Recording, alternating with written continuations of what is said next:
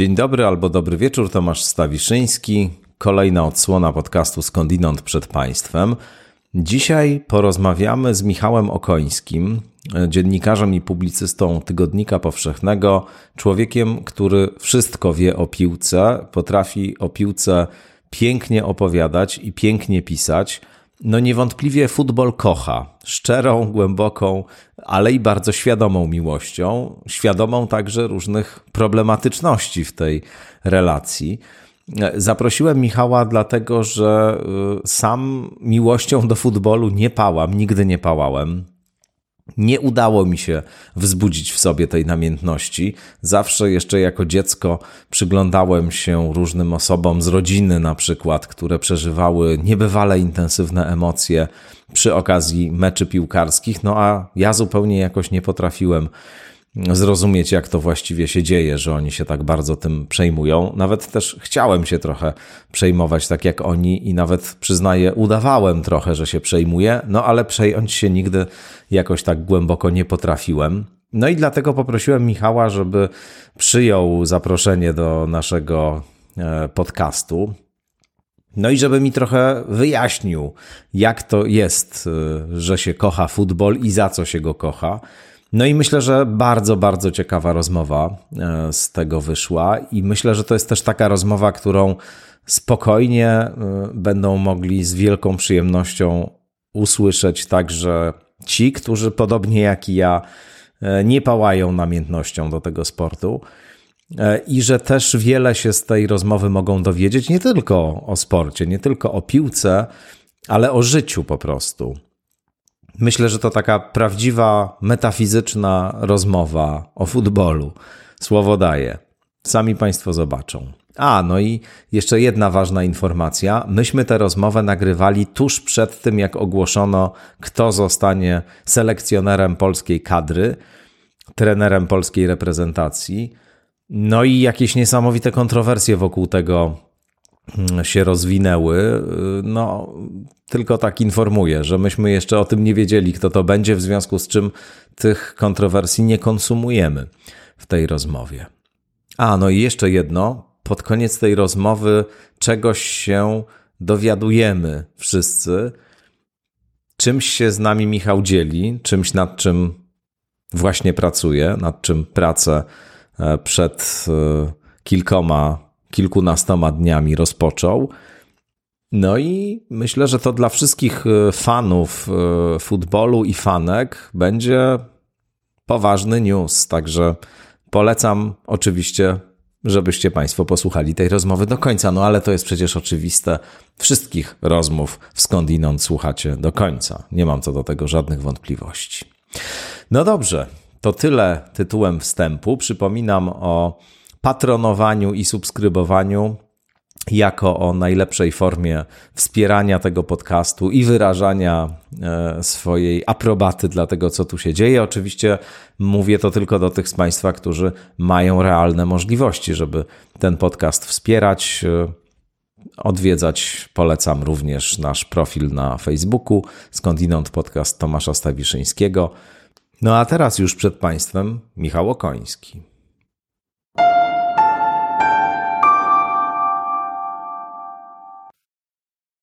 Michał Okoński gości w podcaście Skądinąd. Dzień dobry, Michale.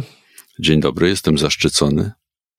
To cały zaszczyt po mojej i po naszej stronie. Wspaniale, że znalazłeś czas, żeby porozmawiać o swojej wielkiej miłości, czyli o piłce hmm. nożnej. Zaprosiłem Cię trochę po to, żebyś we mnie też, choć oczywiście to nie jest, nie wiem, żaden, żadne tutaj, żadne, żaden wymóg, ale żebyś też trochę i we mnie tej miłości do futbolu pobudził, bo ja jej nie czuję, nigdy jej nie czułem i właśnie ogromnie mnie fascynuje to, jak ty potrafisz o piłce myśleć, pisać i, i jak potrafisz przeżywać to zaangażowanie w futbol i, i dlatego chciałem z tobą na ten temat trochę porozmawiać. Jesteś autorem. Od razu powiem, że uważam tak. za jedną ze swoich najlepszych cech jednak to, że nikogo E, nie zmuszam, czy nie oczekuję od nikogo, żeby dzielił moją pasję. Znaczy, próbuję ale się nią oczywiście dzielić, ale, ale nie jest to, mam nadzieję, jakiś taki tanio misyjny zapał.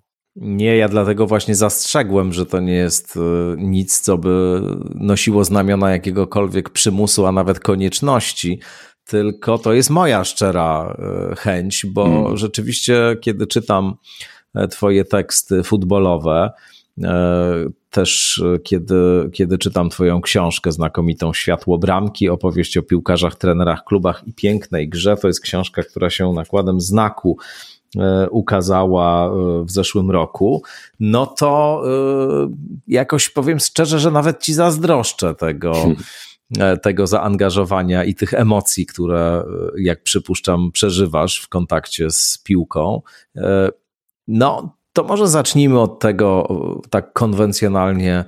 Jak ta Twoja miłość do futbolu właściwie się zaczęła i E, kiedy się pojawiła po raz pierwszy. Czy pamiętasz jakiś taki pierwszy moment olśnienia? Jak to w zakochaniu bywa?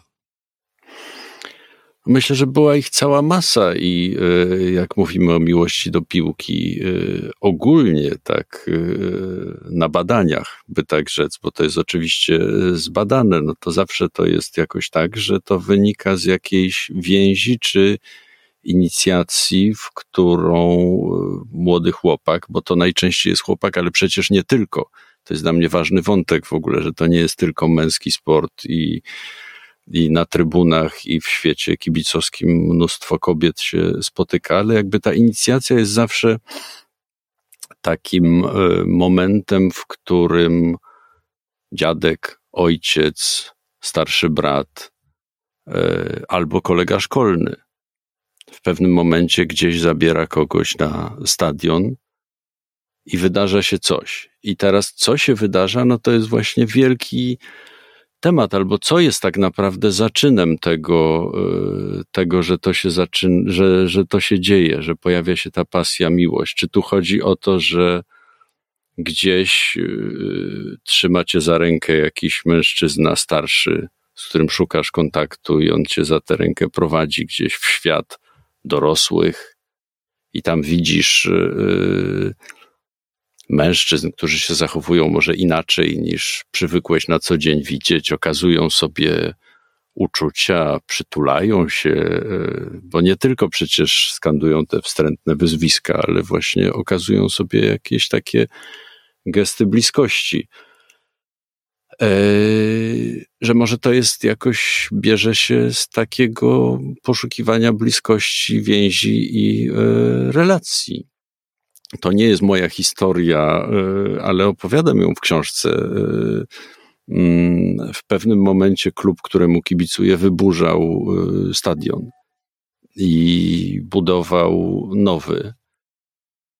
I przy okazji tego takiego banalnego wydawałoby się wydarzenia, że po prostu burzy się jakiś betonowy czy betonowo-drewniany obiekt, y, masa ludzi nagle zaczęła opowiadać o swoim życiu i o takim właśnie pewna pani wspominała, że od lat na sąsiednim krzesełku siadywał jakiś pan i, i zawsze trosk, troskliwie dopytywał, E, jak też jej szło na uniwersytecie, jak też jej idzie na, na uczelni, bo, bo jak rozumiem, pracę naukową e, kontynuowała, wyciągali kanapki i, i działo się, działa się jakaś e, bliskość.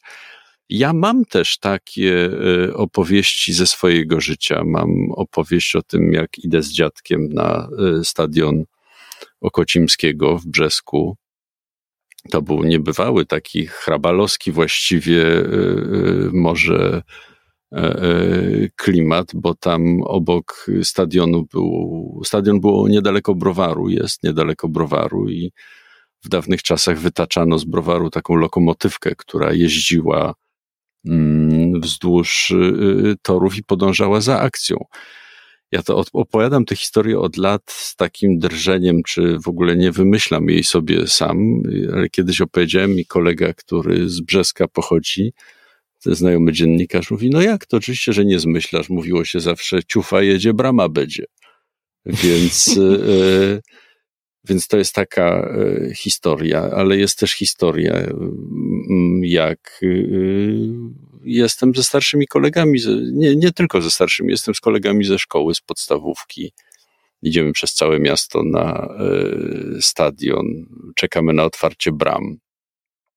No i widzisz, i, i, i, opowiadam o już pewnie parę minut o czymś, co w ogóle nie ma e, kopnięcia piłki, nie słyszysz no tego dźwięku. Czytasz, e, czytasz w moich myślach, bo na dokładnie to chciałem zwrócić uwagę teraz, że, że tutaj na dobrą sprawę nie o futbolu opowiadasz wcale, tylko o no pewnych no tak, okolicznościach tak. i towarzyszących i pewnych jakościach w doświadczeniu towarzyszących samemu, samej grze w piłkę. No ale oczywiście nie da się nie mówić o, o samym spektaklu i o tym, jak nas to, e, mówiąc kolokwialnie, bierze. I teraz e, parę tygodni temu się wydarzyło coś. Ta drużyna, której kibicuję, ona się nazywa Tottenham, czy też już mówmy po polsku Tottenham, londyńska, północno, północno-londyńska drużyna grała mecz y, mm, z Leicester. Y,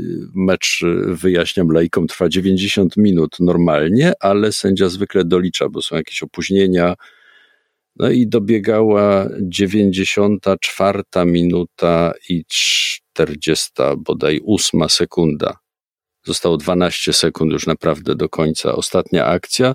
Tottenham przegrywał 2-1 y, no i poszła ta ostatnia akcja.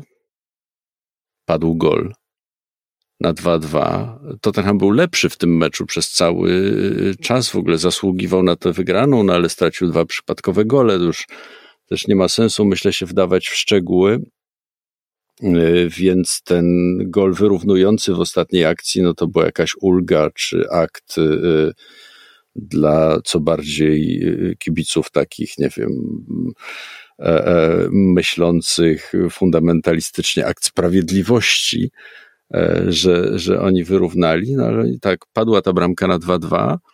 Ktoś, kto ją strzelił, pobiegł do bramki i wziął piłkę z powrotem i popędził na boisko, żeby zacząć jeszcze raz od środka a nuż może się coś jeszcze wydarzy. I faktycznie się wydarzyło. Mm. Tamci, tamci yy, rywale, drużyna Leicester zaczęła, straciła bardzo szybko piłkę, podłamana rzecz jasna i poszedł jeszcze jeden błyskawiczny atak i minęło 70 sekund od tego gola na 2-2, yy, licząc radość, przerwę, oczekiwanie na wznowienie gry i tak dalej. I Tottenham wygrał ten mecz, który już był przegrany. Więc jakbym miał próbować to uogólnić jakoś to doświadczenie, które zdarza się rzadko, ale jednak się zdarza, e, bo to też jest taka, e, kibic będzie wiedział, no w 90, w doliczonym czasie gry finału Ligi Mistrzów e, na najwyższym poziomie między Bayernem a Manchesterem United w 1999 roku Bayern prowadził ten, w tym meczu właściwie od początku 1-0 y, i stracił dwa gole w doliczonym czasie gry. Przegrał. E, a już właściwie, no tak, witał się z gąską, prawda? O czym to jest? No, może to jest o tym, że istnieje taki świat, w którym naprawdę wszystko jest możliwe, jeśli wierzysz. Hmm jeśli jesteś, właśnie znowu mogę mówić o takiej relacji, bo to musi być jednak coś takiego nie w jednym człowieku, ale w całej gru grupie ludzi. Bardzo lubię że to, to, że to jest sport zespołowy. Y, w grupie ludzi coś takiego, że, y, że oni wierzą i, ta, i mają nadzieję i, no i dokonują jakiegoś niemożliwego. Y, Dariusz Kosiński, y, świetny teatrolog, krytyk teatralny, y, który pisze do, do Tygodnika Powszechnego i jest też oczywiście kibicem. No, on to opisuje w kategoriach wydarzenia dramatycznego, że to jest spektakl, w którym, no właściwie jak w greckiej tragedii, wszystko jest, znaczy, że wiesz, i jest fatum, i są jakieś y, nadzwyczajne ingerencje sił z zewnątrz, i jest chór, bo mamy do czynienia z kibicami. No ale właśnie da się odwrócić wyroki tego fatum też czasem, i, i, i, i wydarzają się takie takie cudowne doświadczenia. I oczywiście jest tak, że w 90% przypadków na 100 albo jeszcze w większym, większym, większej liczbie tych procentów wygrywa drużyna zwyczajnie lepsza albo bogatsza, co nie jest bez znaczenia, mająca lepszych piłkarzy i tak dalej, ale jednak wciąż czasem się zdarza tak, że przegrywa. Że tu, że w tym sporcie y, no, nie decyduje jakość, że wydarzają się, czy tylko jakość, że wydarzają się, no, użyję tego słowa, cuda. A jak one się wydarzają, to teraz znowu zrobię taką, y, taką pętlę do tego, co było na początku, to z ciebie kibica opada, opada nagle to wszystko, co zdążyłeś sobie ubrać przez całe życie, cały twój racjonalizm, cała twoja właśnie wiedza, zimny ogląd, patrzenie na, na to jako nie tylko na taki spektakl, e, o którym opowiada Kosiński, ale jako e, na taką taktyczną partię szachów, bój rozgrywany przez wielkie trenerskie umysły. Bardzo mnie to ciekawi też skądinąd i chętnie o tym piszę i mówię, jak to jest zrobione, jak to jest zrobione w sensie y, y, mm, właśnie trenerskich koncepcji, że ktoś wystawi trzech obrońców, a ktoś czterech i gdzieś się robi przewaga w jakimś miejscu boiska, mm, ktoś reaguje, a ktoś nie reaguje. No ale ostatecznie pewnie chodzi o ten moment, w którym opadają z ciebie te wszystkie kostiumy i te wszystkie bagaże, które nabrałeś, i stajesz się znowu tym cudownie zachwyconym dzieciakiem, który no, doświadcza tego w wieku lat 50, że naprawdę wszystko jest możliwe. I jeszcze jedno bym powiedział w tym kontekście, bo dla mnie to jest też opowieść o Yy, no takim, ja sobie z tego biorę, może tak dla siebie w życiu, bardzo często z futbolu, taką lekcję, że zawsze jest następny mecz. Czyli yy, wiesz, yy, przegrałem w życiu, w pracy, w życiu, w całej masie takich doświadczeń. No i futbol mi mówi, że no, to się jeszcze nie skończyło, że gramy dalej że znowu y, y, z tą samą wiarą, nadzieją, miłością, całym, y, całym zapleczem talentu, umiejętności, kreatywności, tych wszystkich rzeczy idziemy do kolejnego meczu, wierząc, że a może tym razem się uda i czasem nawet się udaje. Z tego, co mówisz, wyłania się taki obraz futbolu jako, można powiedzieć, mikrokosmosu, który zawiera w stopniu skondensowanym właściwie wszystkie te fundamentalne jakości ludzkiego życia, które czynią to życie niezwykłym. Hmm. Pojawiają się tam te e, fundamentalne, graniczne sytuacje, pojawiają się bardzo intensywne emocje. Można doświadczyć rozpaczy skrajnej i porażki, można doświadczyć niesamowitej euforii, uniesienia, sukcesu, E, kooperacji, bliskości, lojalności. Mm. Słowem, to jest rzeczywiście taki rodzaj e, alchemicznej retorty w tym, w tym Twoim opisie, w której właśnie te wszystkie stany, te wszystkie sytuacje, te wszystkie emocje, które w naszym życiu często mamy w jakimś rozproszeniu, no tu się właśnie jakoś niezwykle mocno kondensują i, i właśnie ta, ta, ta, ta specyficzna sytuacja, że 22 E, e, facetów zazwyczaj, choć już nie tylko faceci grają w e, futbol, ale no jednak to jest dominujący męski sport. Dominu, dominują mężczyźni w tym sporcie, więc z tych 22 facetów biega za tą piłką i próbuje wkopać ją do, do, do bramki przeciwnika. Wydawałoby się, że to jest takie w sumie dość banalne i proste, a tymczasem, no proszę, jest ta cała metafizyka, o której, o której cały czas mówimy. No tak, i ona. E, kiedyś czytałem taką niemiecką teolożkę, którą zapytano, co to jest szczęście. E, jakby wytłumaczyła dziecku, co to jest szczęście. I ona powiedziała: Nie tłumaczyłabym, dałabym mu piłkę. Wie, więc w tym sensie, tak, więc w tym sensie, yy, no tak, tak, to jest ta retorta i yy, ale chyba jest jeszcze coś więcej. Znaczy, mnie bardzo interesuje takie potraktowanie futbolu, wiesz, jako lustra, w którym odbija się świat, odbijają się nasze czasy, albo nie tylko nasze, bo mm, jest taka znakomita książka e, Simona Coopera, Futbol w cieniu Holokaustu.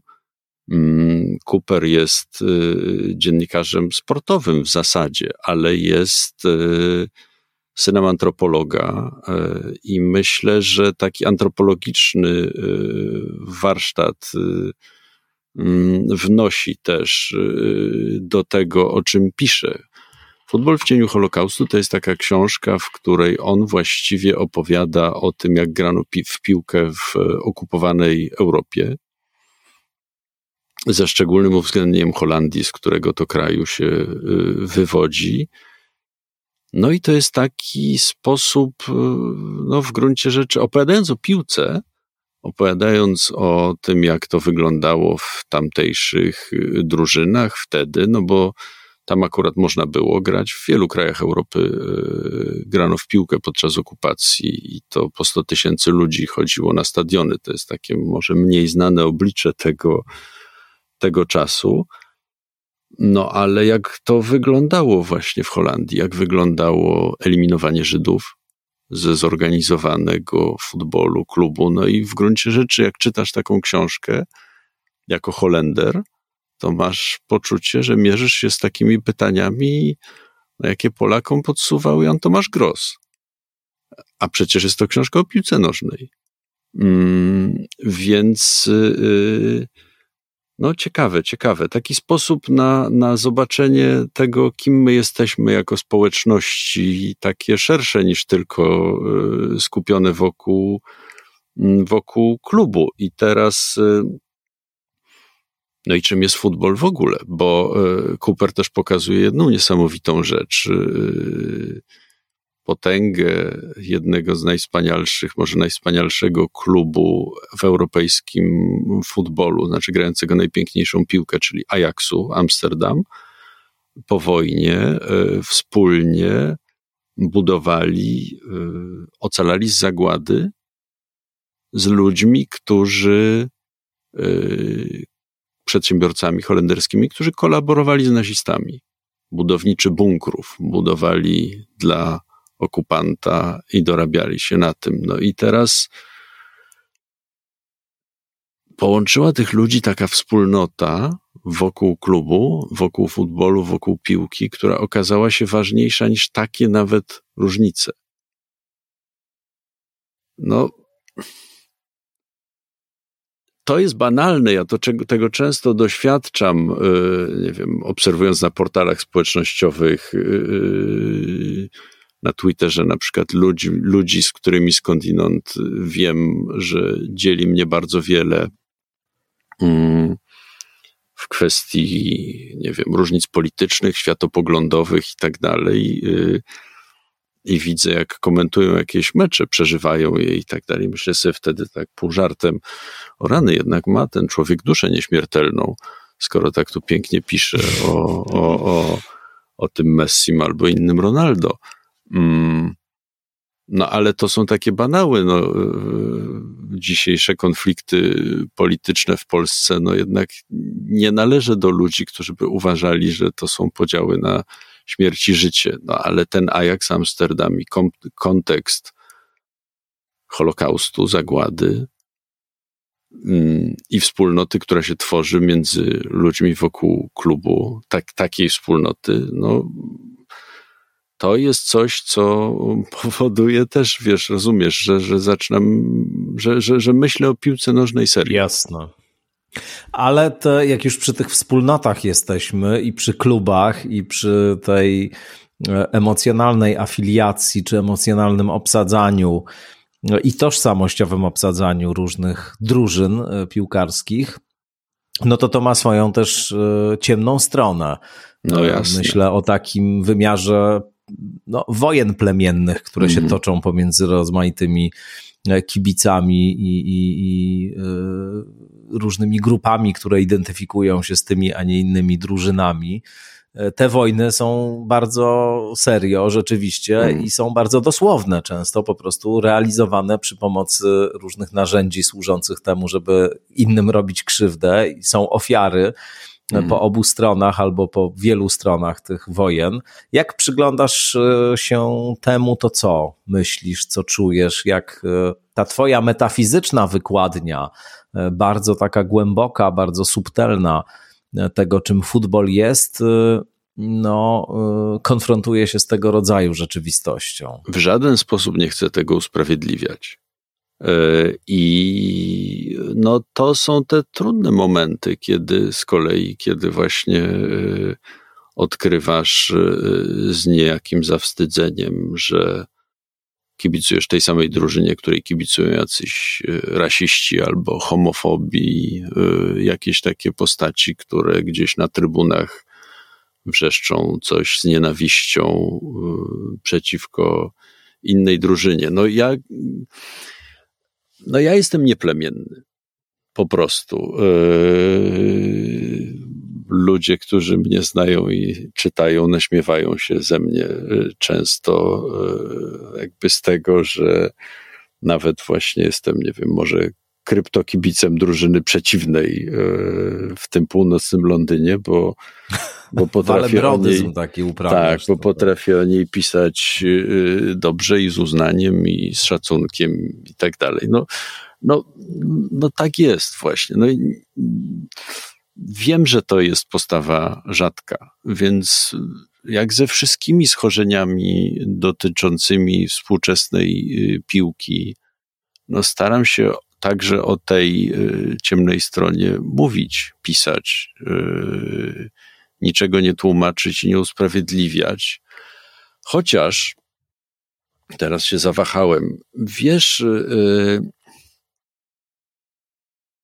Tłumaczyłem taką książkę Jonathana Wilsona, świetnego historyka futbolu, o argentyńskiej piłce. Nazywała się Aniołowie o brudnych twarzach i on bardzo ciekawie pokazał i udatnie y, związek między doświadczeniami tego kraju takimi społeczno-politycznymi, a tym, jak y, tamtejsze drużyny grały w piłkę i jak w związku z tym też wyglądało kibicowanie. Kiedy ten kraj był y, krajem pełnym optymizmu, nadziei, wiary w przyszłość, kiedy mówiono się o nich jako Jankesach Południa, nie wiem, był wielki wzrost gospodarczy, i też kiedy Argentyńczycy śnili ten peronowski sen to ich drużyna grała właściwie najpiękniejszy futbol świata. To było po prostu boiskowe tango, czarowanie wszystkich i, i cudowność. No a kiedy,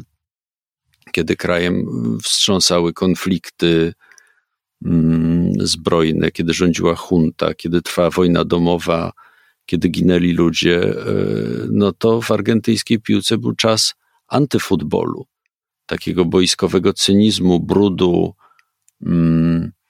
I dzisiaj, kiedy ten kraj jest po raz kolejny takim krajem rozczarowań straconych nadziei i tak dalej, y, mm, tyle razy jakby gospodarka upadała, no to y, wszyscy najlepsi piłkarze argentyńscy właściwie wyjechali z kraju a tamtejsze trybuny y, są dość ponurym i strasznym miejscem. No i tak się zastanawiam na przykład, jak to by się opowiadało historię polskiej y, transformacji czy kibicowskiej przemocy. Mm, mm, próbując ją jakoś y, wiązać, czy patrzeć w szerszym kontekście, na ile na przykład polska przemoc stadionowa jest funkcją w ogóle brutalności w polskim życiu y, publicznym, albo wiąże się z jakimiś takimi okresami utraty nadziei czy złudzeń w y, wiary w jakąś lepszą przyszłość. Mówię to absolutnie nie chcąc usprawiedliwiać, znaczy przemoc jest przemocą, yy, mowa nienawiści jest mową nienawiści.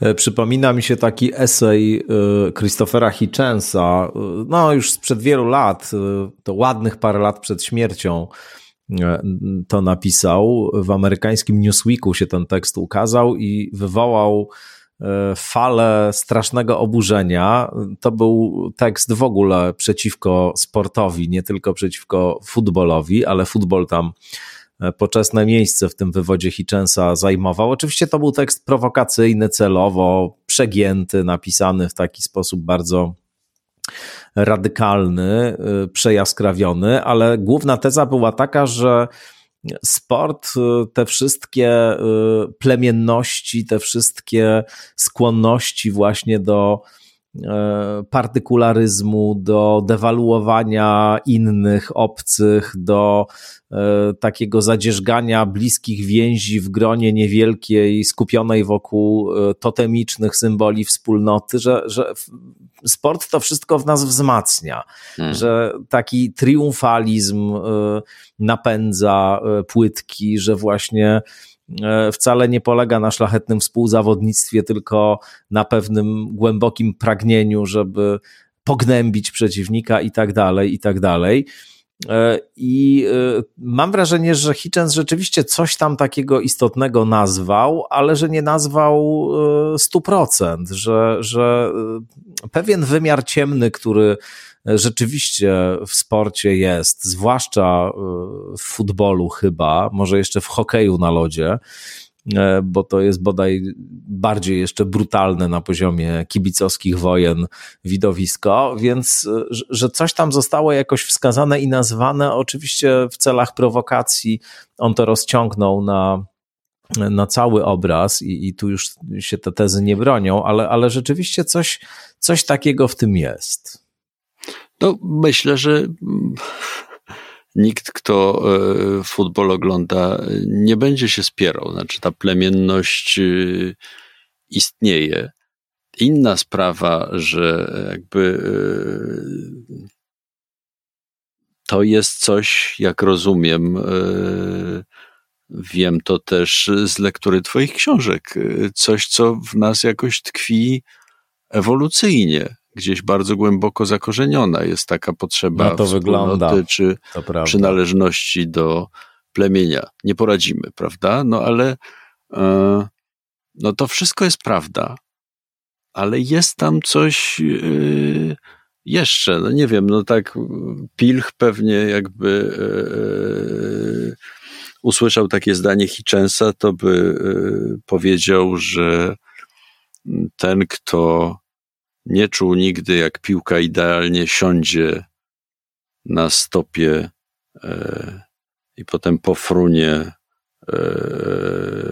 w światło bramki e, i usłyszy ten trzepot e, siatki i w ogóle ten dźwięk piłki i tak dalej. Może jest człowiekiem, tak, ale niepełnym.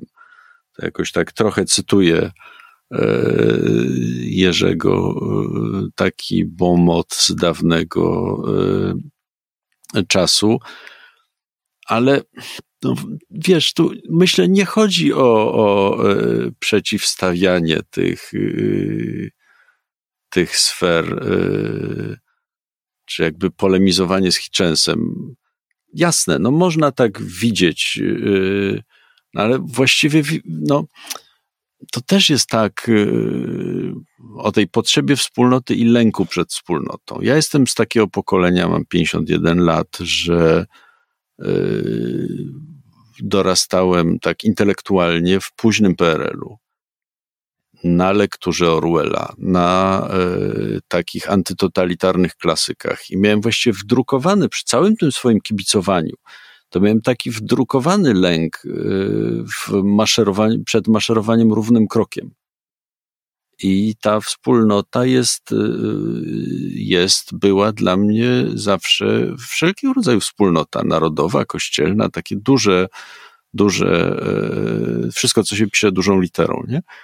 Czymś takim, na co trzeba uważać, czy na co się, czy to jest takie miejsce, w którym się bardzo łatwo można sparzyć.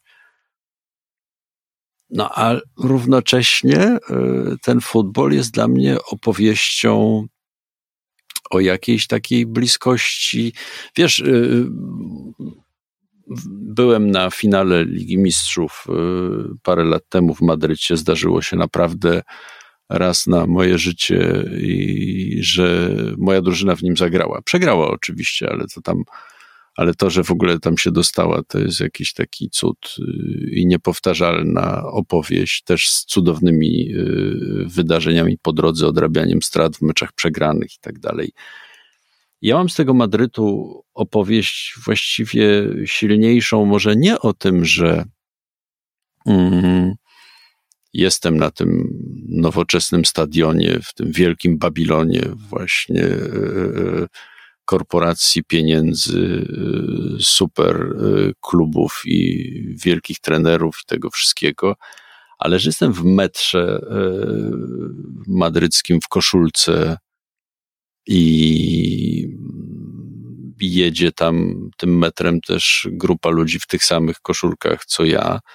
Oni śpiewają, ja się dołączam, co tu kryć, i jakaś rozmowa się zadzierzguje i ta rozmowa e, nie jest jakoś przesadnie e, wyrafinowana, nie ukrywajmy, ale, ale ona się kończy właściwie tym, że my sobie pokazujemy zdjęcia dzieci i człowiek, z którym rozmawiam, e, mówi, że właściwie to, a jeszcze powiem, jak to się zaczęło. To się zaczęło od tego, że mówiliśmy sobie przy tych dzieciach, jaki strzelec bramki e, był, jak się urodziło. Pierwszy strzelec bramki. No to chyba trzeba być maniakiem i kibicem, e, mm, mm, żeby takie, żeby tego typu rozmowy czy sposoby na poszukiwanie bliskości między sobą e, szukać i budować, ale, ale ten człowiek powiedział, że właściwie no tak, no, córeczka ma 10 tygodni i to jest właściwie pierwszy raz, jak on wyszedł z domu i pojechał na ten finał. No i tak sobie siedzieliśmy w tym metrze i gadaliśmy yy, o meczu, który ma się wydarzyć, arcyważnym meczu o wszystko, ale tak naprawdę chyba o życiu. Piękna opowieść, muszę powiedzieć. Naprawdę piękna opowieść. Yy, mówisz yy, już po raz kolejny o swoim klubie, tym, któremu kibicujesz. To jest jedna z rzeczy, które są dla mnie bodaj najbardziej tajemnicze, jeśli chodzi o e, w ogóle kibicowanie piłce nożnej, to dlaczego e, akurat się kibicuje takiemu, a nie innemu klubowi? Ba, ja mam nawet kłopot z takim e, nie tyle zrozumieniem, bo na poziomie intelektualnym to rozumiem, ale z powiedzmy urealnieniem sobie psychologicznym sytuacji kibicowania drużynie narodowej, bo też nie rozumiem, dlaczego niby miałbym akurat tej swojej drużynie narodowej kibicować, a nie, a nie innej, ale to zostawmy, to jest inna kwestia. Tutaj sprawy są znacznie prostsze, ale no, to kibicowanie klubom jest niezwykle ciekawe, zwłaszcza, że o ile jeszcze jakoś można, znowu mówię o sobie wyłącznie, e, można zrozumieć to, że E, ktoś kibicuje, powiedzmy, klubowi związanemu z jego rodzinnym miastem albo, no nie wiem, z jakimś regionem, w którym mieszka, etc.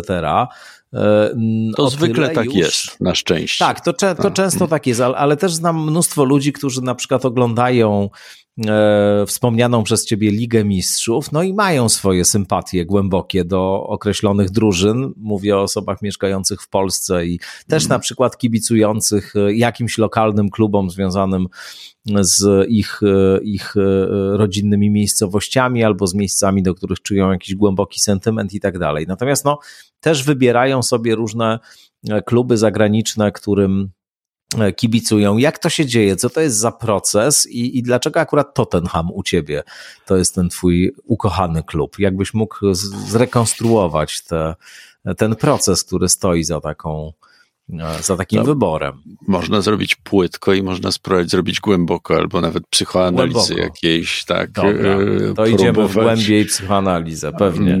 Dokonać.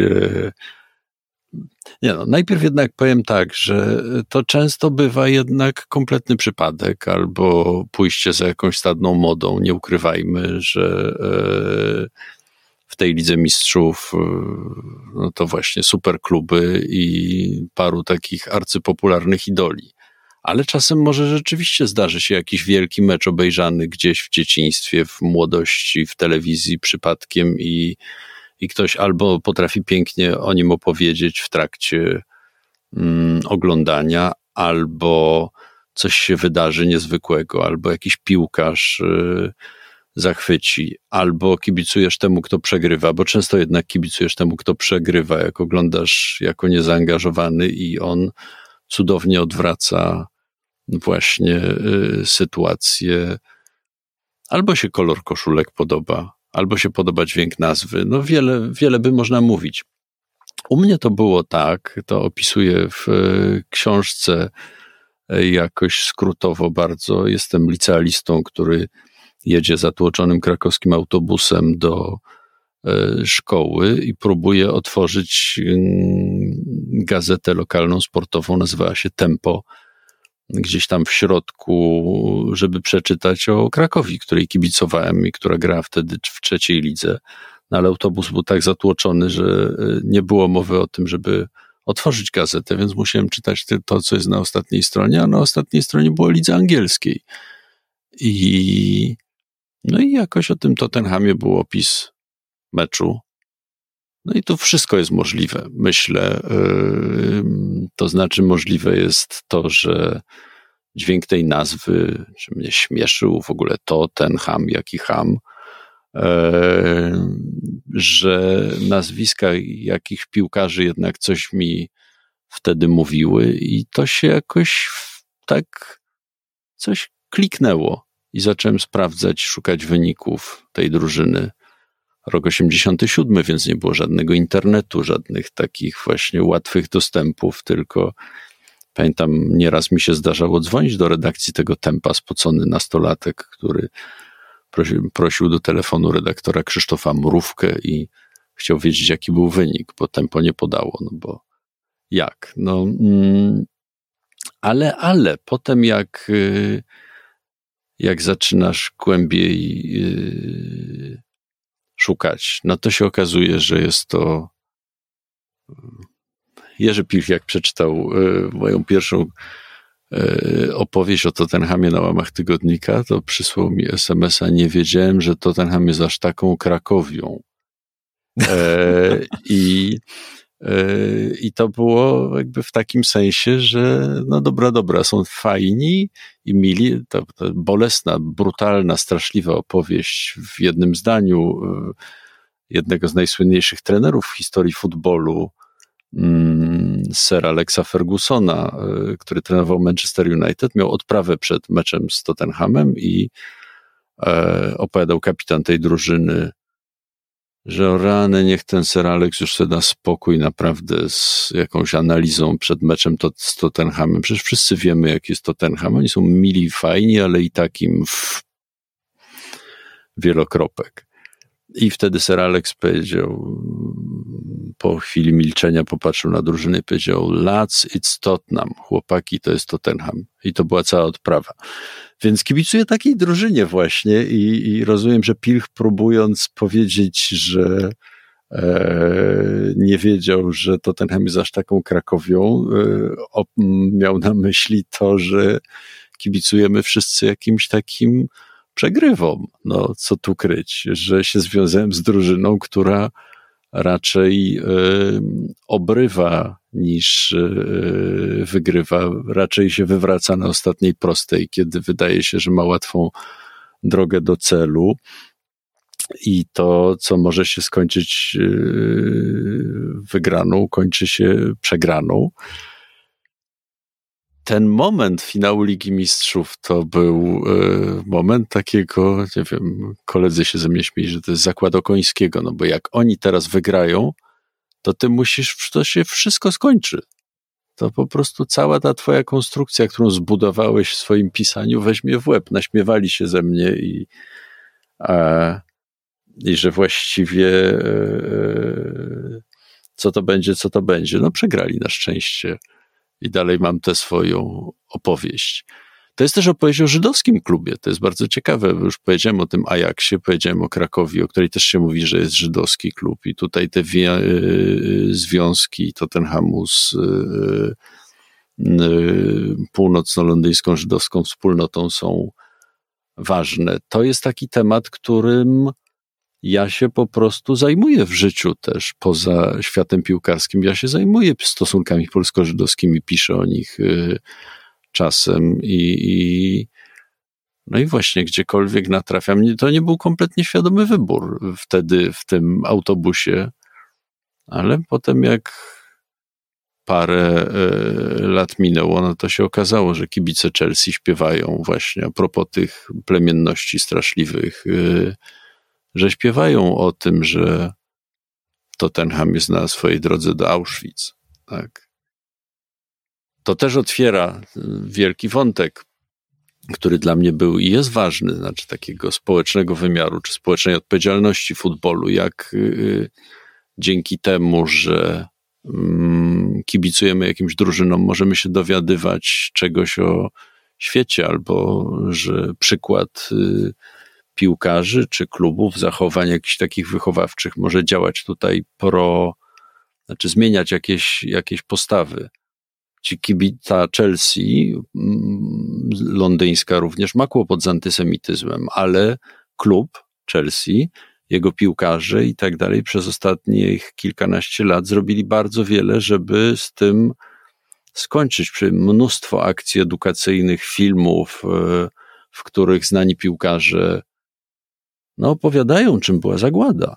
E, tłumaczą kibicom, że jednak powinni się może puknąć w czoło i przestać śpiewać, albo wręcz mówią im, że no nie chcemy takich kibiców. No to są przecież też za takie śpiewy dożywotnie zakazy stadionowe na e,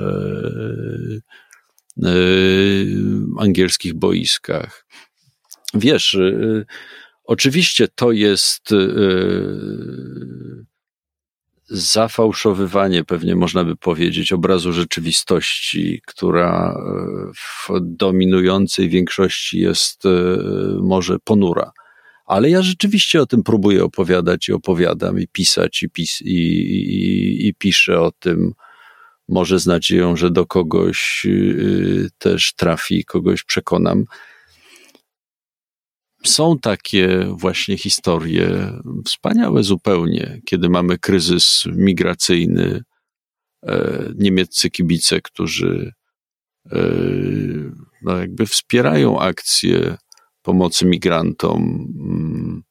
Zresztą ten futbol jest taką opowieścią też e, o dawaniu szans ludziom, którzy właśnie z takich trudnych środowisk się wywodzą. I wiemy dobrze, to też, e, że jakby w dzisiejszym świecie późnego kapitalizmu przeskoczenie z klasy do klasy jest w zasadzie niemożliwe, prawda? Pokazują to niezliczone badania.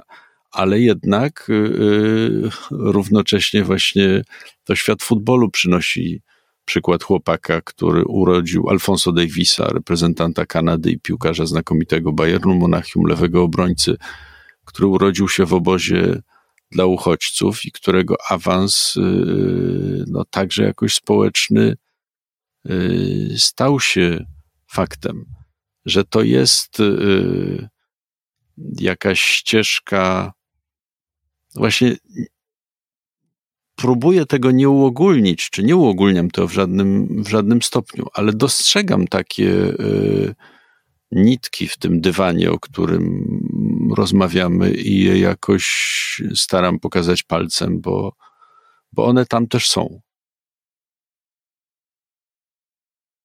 Chciałem jeszcze chwilę y, pomówić, y, to się trochę wiąże z tą kwestią awansu społecznego, ale, ale tylko pośrednio, o tych gigantycznych pieniądzach, które w futbolu są. Trudno się dziwić, no, to jest e, sport, który przyciąga miliony ludzi na całym świecie i e, nie, dziw, nie dziwne, że, że generuje tak potężne zyski i że te kluby piłkarskie zarabiają tak niebywałe pieniądze. Ale chciałbym Cię zapytać o Twój stosunek do zarobków tych największych piłkarskich gwiazd, które rzeczywiście no zarabiają pieniądze zupełnie niewyobrażalne.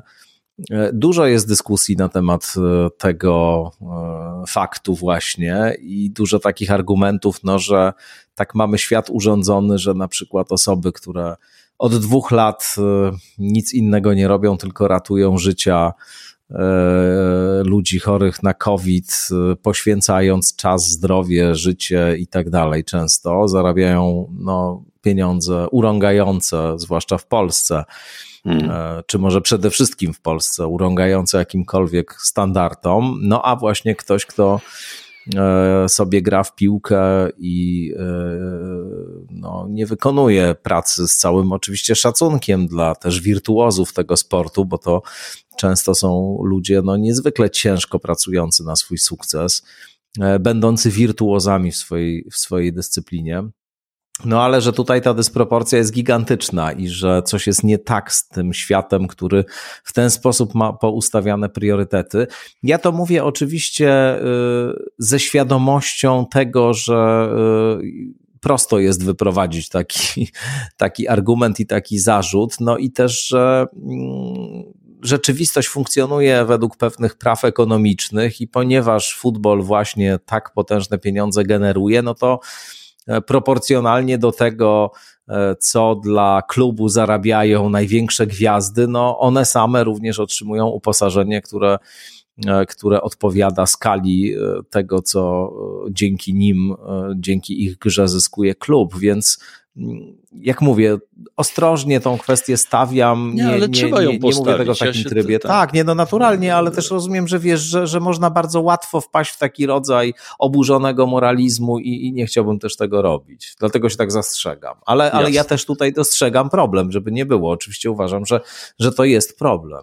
Oczywiście. Y, no to parę wątków jest, y, jak zawsze jest parę wątków. Y, Pierwszy jest oczywiście taki, że te pieniądze są faktycznie za duże.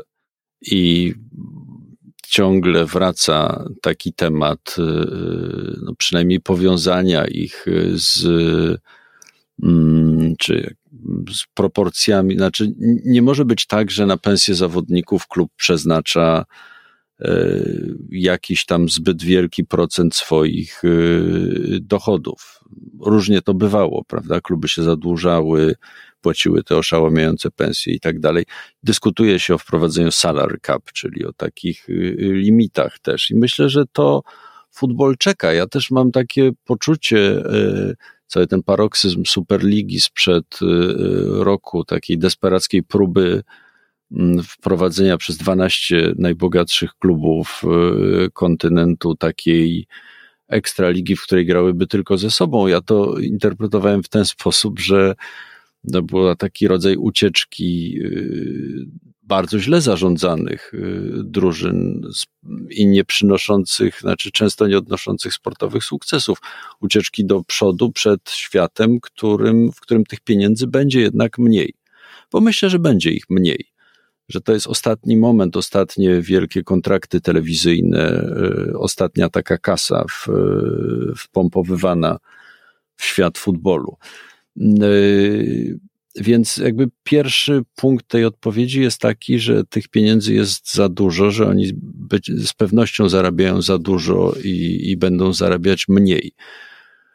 Ale chcę też powiedzieć, że yy, no, jakby robienie zarzutu tylko i wyłącznie w tym świecie naszego późnego kapitalizmu, tylko i wyłącznie grupie sportowej, kiedy gigantyczne pieniądze zarabiają, nie wiem, banksterzy, albo właściwie szefowie wielkich korporacji, albo doradcy finansowi i tak dalej, i tak dalej, że jakby tych nieproporcjonalnie wielkich pensji w porównaniu do wysiłku właśnie ludzi, którzy walczą o życie, czy, czy próbują e, e, znaleźć światu ratunek przed e, pandemią, to, no to jest taka kwestia, którą trzeba stawiać i dobrze, że ją stawiasz. Ja mam też oczywiście taki punkt, w którym próbuję, może to jest element samoobrony mojej własnej, przed tym, żeby nie po, jakoś sobie z tym poradzić, to już nie mnie sądzić, ale próbuję myśleć o poszczególnych y, przypadkach, próbuję myśleć o tych y, życiorysach tych y, konkretnych sportowców, piłkarzy, o tym świecie, z którego wyszli, jak doszli do tych pieniędzy, że je zarabiają, jak długo będą je zarabiać, jaką płacą za to cenę też właśnie w życiu osobistym, prywatnym, jak to długo potrwa, jak będzie ciężko, kiedy to się skończy i tak dalej, i tak dalej. Tu są, z jednej strony znam przykład y, y, piłkarza, to jest horrendalna historia, już nawet a teraz sobie przypomniałem nazwiska, ale nazwisko nic panu nie powie. Mnie niewiele mówi. Angielskiego piłkarza, do którego po pół roku yy, zadzwonił jakiś yy, urzędnik z hiszpańskich kolei, bo znalazł jego niewiarygodnie wręcz luksusowy samochód porzucony pół roku temu na jakimś hiszpańskim dworcu. Facet zapomniał, że ma jakiś Ferrari czy coś tam, że, że, że, że zostawił, wsiadł do pociągu i zapomniał, że miał taki samochód. No więc. Symptomatyczne bardzo rzeczywiście to. E, prawda. E, ale z drugiej strony, no i z drugiej strony mamy tę historię właśnie tak zwanego zegarka Roberta Lewandowskiego. Był taki spór w polskich mediach społecznościowych wokół tej kwestii i to ciekawe, jaki ten to spór... Całkiem niedawno chyba, prawda? Ta, jaki ten spór uruchomił pokłady y, emocji, ale też jakichś takich zwyczajnych niekompetencji. Pamiętam taki wybitny skądinąd y, bloger i publicysta i świetny nauczyciel i autor doskonałej biografii Lema mm, w jednej z dyskusji w mediach społecznościowych y, ścierał się z Pawłem Sołtysem, kibicem piłkarskim, który próbował mu cierpliwie wytłumaczyć, że myli się jednak stawiając e, tezę, że Robert Lewandowski zawdzięcza wszystko swojemu ojcu, bo jednak wręcz przeciwnie, Robert Lewandowski stracił ojca jako młody chłopak i, i właściwie mierzył się e, z, na początku swojej kariery z odrzuceniem przez klub.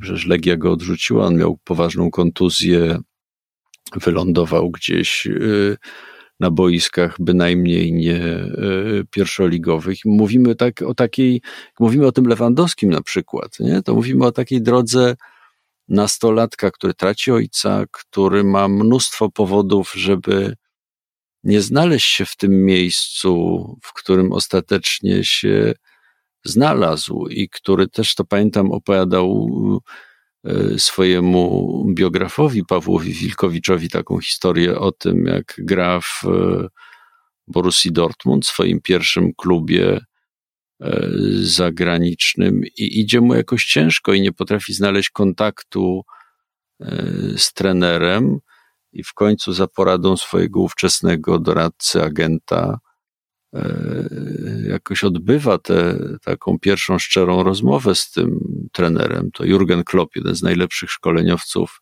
świata, co jak co, ale szczęście do trenerów klubowych to Lewandowski ma niebywałe, ale jakby odkrywa e, pierwszy raz w życiu, zdaje się, jak mówi o tym, siłę dobrej rozmowy. Jak wejście w relację z tym starszym od siebie mężczyzną odmienia jego życie, jego los i tak dalej. Mm.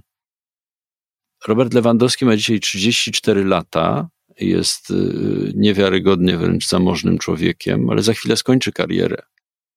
Co będzie potem, jak będzie sobie radził, wiesz, to życzę mu bardzo dobrze, ale też znam nieprawdopodobne y, ilości przykładów ludzi, którzy jakby e, życia po życiu piłkarskiego nie byli w stanie sobie ułożyć i płacili bardzo wysoką cenę za to, że przez moment byli uwielbieni, a potem jakoś e, pozbawieni tej adrenaliny, zachwytu kibicowskiego, emocji związanej z tym meczem, e, z tymi przeżyciami, jakie daje gra, no, mieli bardzo, bardzo trudno.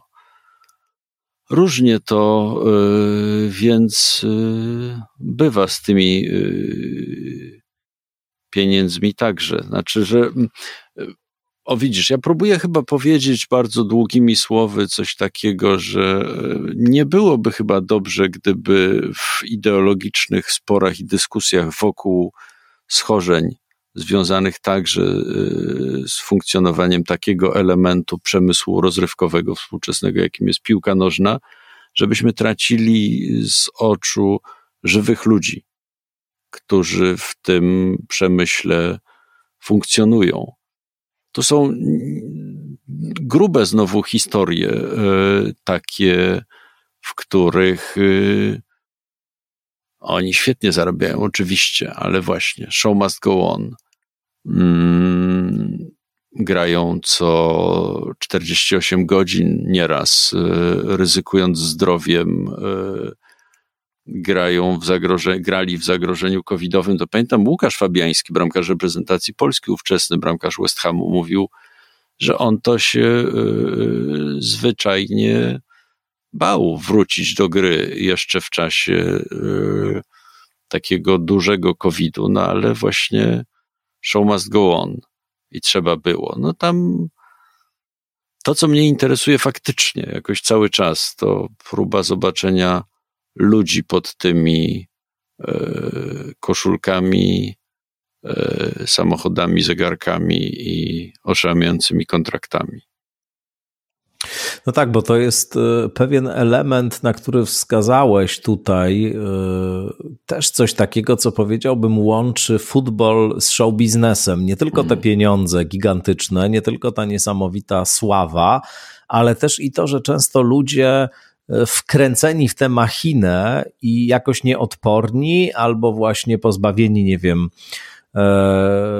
jakiejś zdolności do, do oceny sytuacji, a czasem po prostu nie wytrzymujący psychicznie tej mm.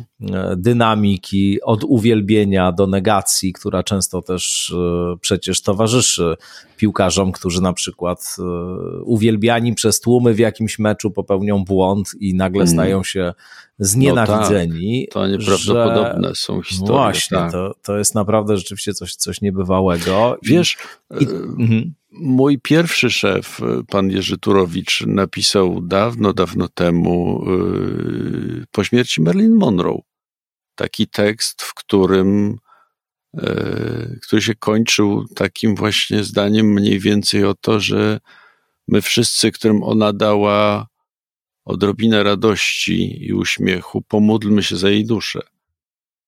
I ja miałem wiele razy takie coś, yy, opowiadając o życiu, nie wiem, Diego Maradony, który to pewnie właśnie jak Monroe, klasyczny y, przykład takiego wplątania w y, bycia zakładnikiem rzeczywiście tłumów, ale też klubów, które na nim zarabiały, ale też tej właśnie chorej e, relacji narodu z, e, ze swoją drużyną piłkarską, który no właśnie tym wszystkim ludziom tyle razy e, dostarczył jednak zwyczajnej radości. No, to ta, taki aspekt sprawy jest dla mnie owszem istotny. Bardzo Ci dziękuję za te lekcje miłości do futbolu. Mam nadzieję, że to nie ostatnie nasze spotkanie w Skądinąd. Bardzo chętnie tę rozmowę będę kontynuował, e, może przy okazji Twojego projektu, e, o którym na koniec chciałbym, żebyś opowiedział, e, czyli historii polskiej piłki nożnej, do której napisania się przymierzasz. To Panie rzeczywiście. Tomaszu, panu pierwszemu to powiem. Ach, jestem naprawdę tak. zaszczycony, że Państwo to słyszą tak. po raz pierwszy tutaj właśnie tę nowinę. Przed wejściem na, czy mówi się tak. na podcast Antena?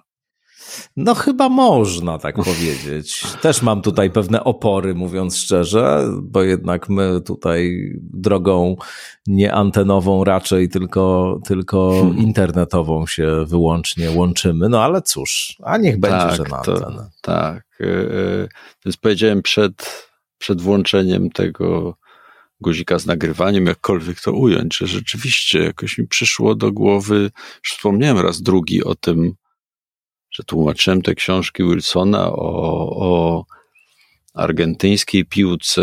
E, powstała też świetna książka tego samego autora o piłce węgierskiej, w której też właściwie jak się ją czyta, to można zrozumieć nieprawdopodobne zupełnie traumy tego narodu po e, zakończeniu I wojny światowej i, i czerwonym terrorze, białym terrorze, o Trianon i, i utracie masy y, terytoriów, no jakieś po prostu niebywałe y, historie z tym związane, które w świecie futbolu też się odbijają właśnie ogromną emigr falą emigracji, tym, że masa mm, wybitnych trenerów, y, którzy potem uczą futbolu w Ameryce Południowej na przykład, to byli węgierscy, żydowscy emigranci uciekający z kraju przed antysemityzmem i tak dalej, i tak dalej. No ale właśnie,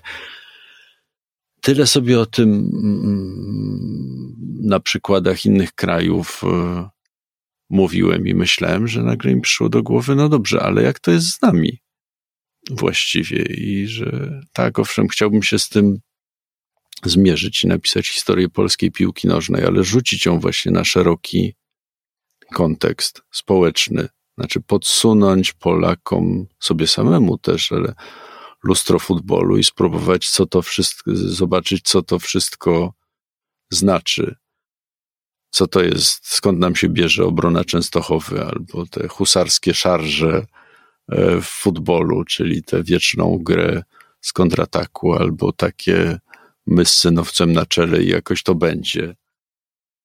Eee, ale też opowiedzieć historię właśnie mniejszości, historię taką, w której e, no właśnie mamy do czynienia z pytaniami o to, czy pierwszy mecz na ziemiach polskich rozgrywany tak naprawdę był meczem polskim, czy ukraińskim, czyja to jest w cudzysłowie własność, do kogo to należy, a jak to było z tym pierwszym mistrzostwem Polski czy przypadkiem nie jest tak, że przekręcono wówczas, y, sędzia przekręcił wynik meczu drużyny FC Katowic, żeby pierwszym mistrzem nie została drużyna mm, mniejszości niemieckiej? I tak dalej, i tak dalej. Dziesiątki, myślę, tutaj są historii, jak to było z tą transformacją ustrojową, jak się temu przyglądamy y, na przykładzie futbolu, no i gdzieś na samym końcu jest właśnie, czy rzeczywiście potrafimy wykorzystać fakt e, tego, że zapewne najlepszy piłkarz świata w tym roku e, jest Polakiem. Co to znaczy dla, dla wspólnoty, społeczności, dla szerszej grupy zawodników i, i, i dla struktury, która wokół niego jakoś nie potrafi być zbudowana. A może nie może być zbudowana, bo to właśnie jest tak, że mamy do czynienia z zespołowym sportem i nie jednostki w nim wygrywają, a właśnie zespoły.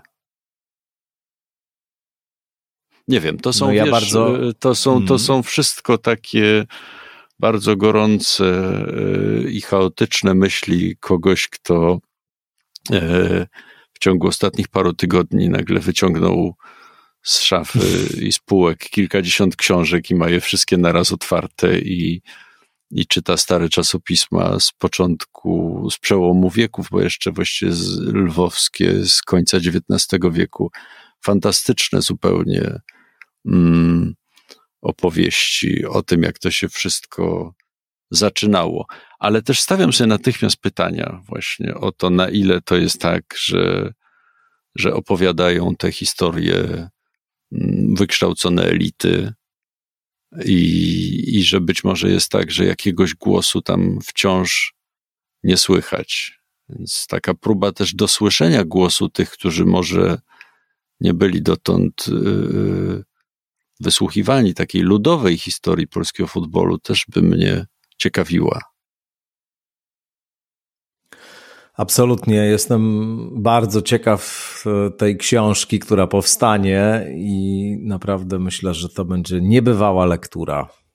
To Twoje pióro gwarantuje i Twoja ogromna wiedza o piłce, no i też to serce do tego tematu, które też i tutaj biło intensywnie w tym hmm. podcaście. Raz jeszcze Ci bardzo dziękuję za to spotkanie. Dziękuję bardzo. Michał Okoński był Państwa gościem, no i oczywiście zachęcam do spotykania się w kolejnych odsłonach skądinąd. Wszystkiego dobrego, do usłyszenia.